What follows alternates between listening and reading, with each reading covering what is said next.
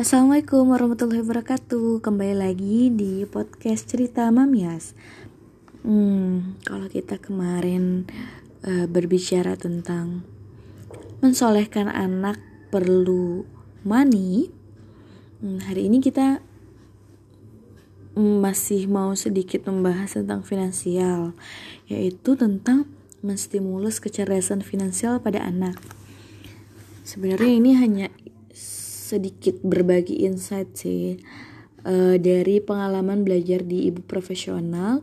Salah satu materinya adalah menstimulus kecerdasan anak. Itu baru tahu ternyata cerdas finansial itu uh, sangat sangat sangat ada gitu dan perlu perlu dilatih. Nah, dimulai dari definisinya dulu nih. Cerdas finansial itu apa sih? Cerdas finansial adalah kemampuan seseorang untuk mendapatkan dan mengelola keuangan gitu. Ada satu apa ya satu konsep di ibu profesional yang saya suka banget. Uh, konsepnya gini.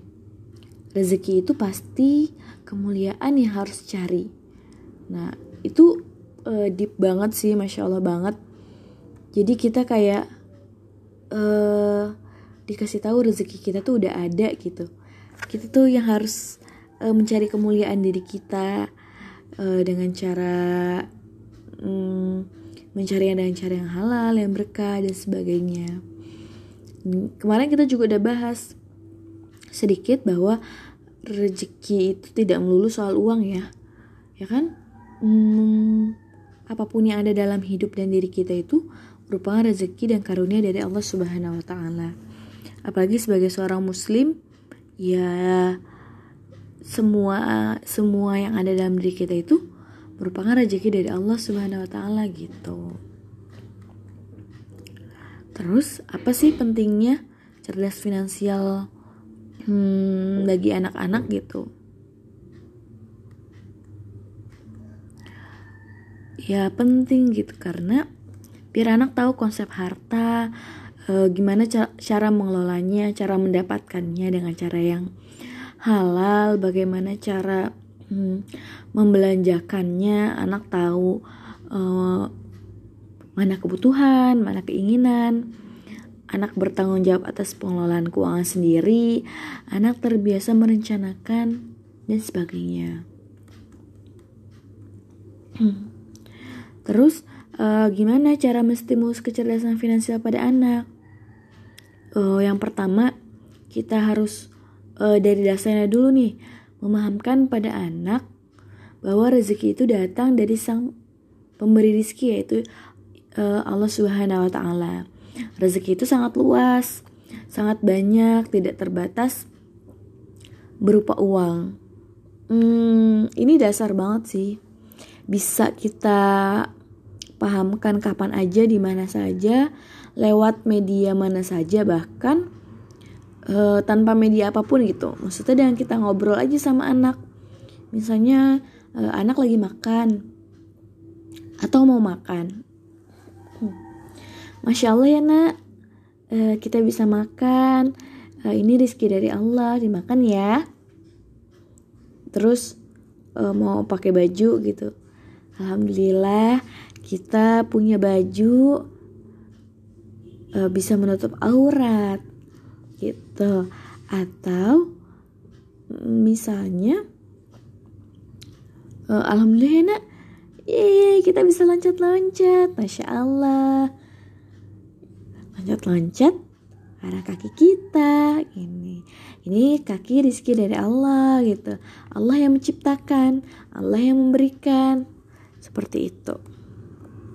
Yang pertama itu sih yang di dasar kita harus uh, pahamkan dulu sama anak terus uh, ini juga yang bikin uh, kita jangan menyempitkan rizki anak itu dari orang tua atau gaji orang tua. Misalnya anak mau mainan.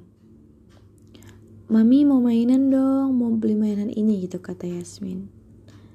Oh gitu. Berdoa dulu ya sama Allah gitu. Semoga nanti bisa belinya. Walaupun mungkin saya bisa beli saat itu gitu. Tapi ada pelajaran ada value ada ketauhidan juga yang kita ajarkan pada anak gitu. Yang kedua ajak anak berdialog tentang arti kebutuhan dan keinginan. Kebutuhan kan adalah sesuatu yang tidak bisa kita tunda sedangkan keinginan adalah sesuatu yang bisa ditunda. Contohnya kayak tadi beli mainan. Padahal baru kemarin beli mainan gitu. Atau memang lagi bukan prioritasnya kami sebagai orang tua membeli mainan. Oh teteh mau mainan ya? Maaf ya mami belum bisa beliin sekarang. Gitu. Kita berdoa sama Allah gitu. Maaf mami nggak bisa kasih dulu mainan sekarang. Gitu.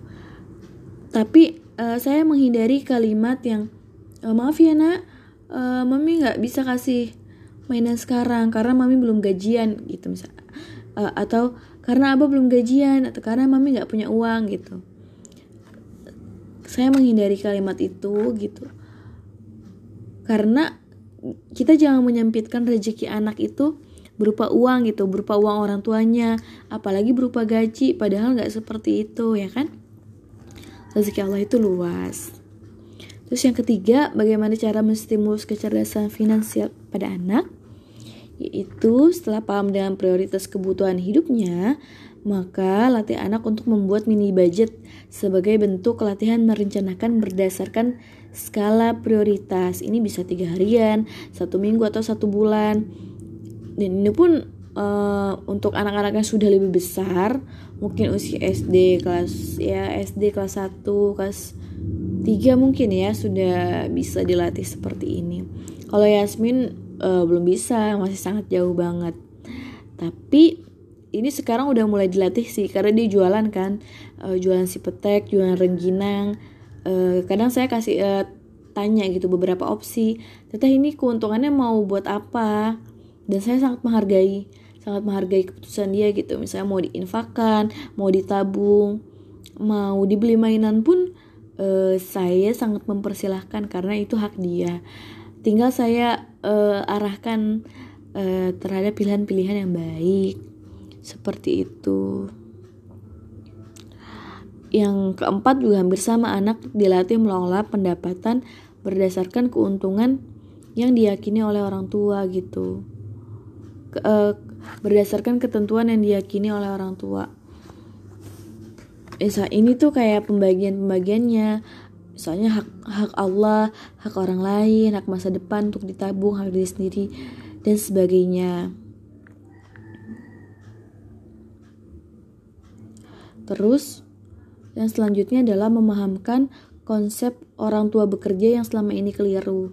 Jadi uh, saya perhatikan biasanya nih orang tua uh, gini orang tua itu kasih tahu anak bahwa kerja itu untuk mendapatkan uang, kerja itu untuk mendapatkan gaji, gaji sekian nanti keluar gaji, insya Allah bisa beli uh, sesuatu gitu, mainan atau apa pun yang anak uh, inginkan.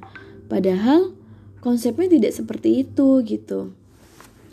Kalau saya dan suami itu lebih senang bilang bukan mencari rizki loh, ya. Bukan mencari rizki tapi menjemput rizki dari Allah. Beda. Kalau mencari rizki itu seolah-olah cari terus sampai jor-joran sampai kadang lupa waktu. Mencari itu sesuatu uh, menemukan sesuatu yang belum ada gitu. Sedangkan kalau menjemput sesuatu itu ada udah ada loh tinggal kita mau nggak jemput atau enggak mau nggak kita berikhtiar mau nggak kita mm, mengusahakan uh, doa doa terbaik gitu untuk menjemput rizki yang halal. Nah itu beda cara menggunakannya gitu ya. Beda banget kalau kita bilangnya meyakininya adalah mencari rizki itu ya kita akan sangat-sangat beda gitu. Kalau menjemput rizki itu masya Allah kita tuh jadi optimis. Tidak um, kita menjadi optimis tapi Eh, nggak males tapi nggak nggak ngoyo juga gitu. Nah itu yang yang saya dan suami mau pahamkan ke anak bahwa orang tuanya itu bekerja untuk menjemput rizki dan bekerja itu kita bukan untuk gaji. Bukan untuk gaji aja tapi ada value ada nilai. Ada kebermanfaatan yang kita lakukan ketika kita bekerja gitu. Kita bekerja untuk memudahkan orang lain yang semoga Allah ridho gitu. Memberikan uh, karunia-Nya kepada keluarga kita, rizkinya berupa gaji, berupa kesehatan, berupa keberkahan dan sebagainya. Itu sih. Jadi uh, saya kan suka suka perhatiin ya. Misalnya anak tuh sampai sampai nanyain kalau orang tuanya kerja mintain duit atau ketika udah udah gajian nih terus anaknya minta apa gitu. Hal itu juga yang bikin kita apa ya? Kita kita bakal terus aktif bergerak gitu.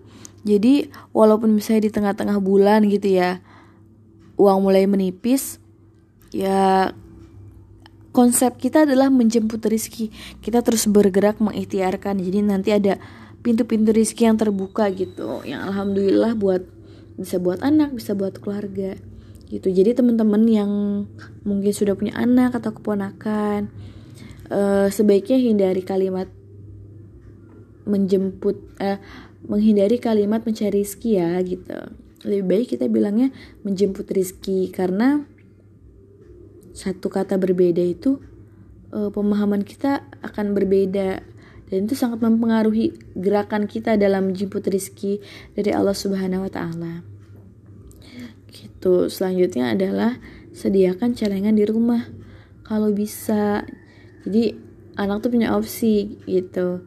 Ini celengan gitu untuk menabung. Jadi itu men, e, mengusahakan tabungan sejak dini. Gak hanya tabungan sih, alhamdulillah Yasmin juga udah udah pernah infak dari uang hasil jualannya itu sekitar berapa ya kemarin ya? 400 ribu. Gitu deh. Uh, alhamdulillah kita sharing-sharing sedikit cerdas tentang cerdas finansial untuk anak untuk diri kita juga sih terutama orang dewasa orang tua gitu. cerdas finansial itu bisa membuat kita bersyukur disiplin bertanggung jawab, terus menggunakan menggunakan harta yang dititipkan oleh kita dengan bijaksana. Seperti itu. Semangat ya semuanya. Kalau misalnya ada uh, saran atau kritik bisa eh, DM DM saya di @sarahfbahri. Uh, semoga kita bisa saling memberikan insight-insight positif gitu. Sampai jumpa semuanya. Semangat ya hari ini. Semoga Allah memberikan uh, rizkinya berupa kesehatan, keselamatan, keberkahan. Semangat dalam melakukan kebaikan. Terima kasih atas uh, perhatiannya udah dengerin. Mohon maaf sekali lagi ya apabila ada kesalahan dan kekurangan. Assalamualaikum warahmatullahi wabarakatuh.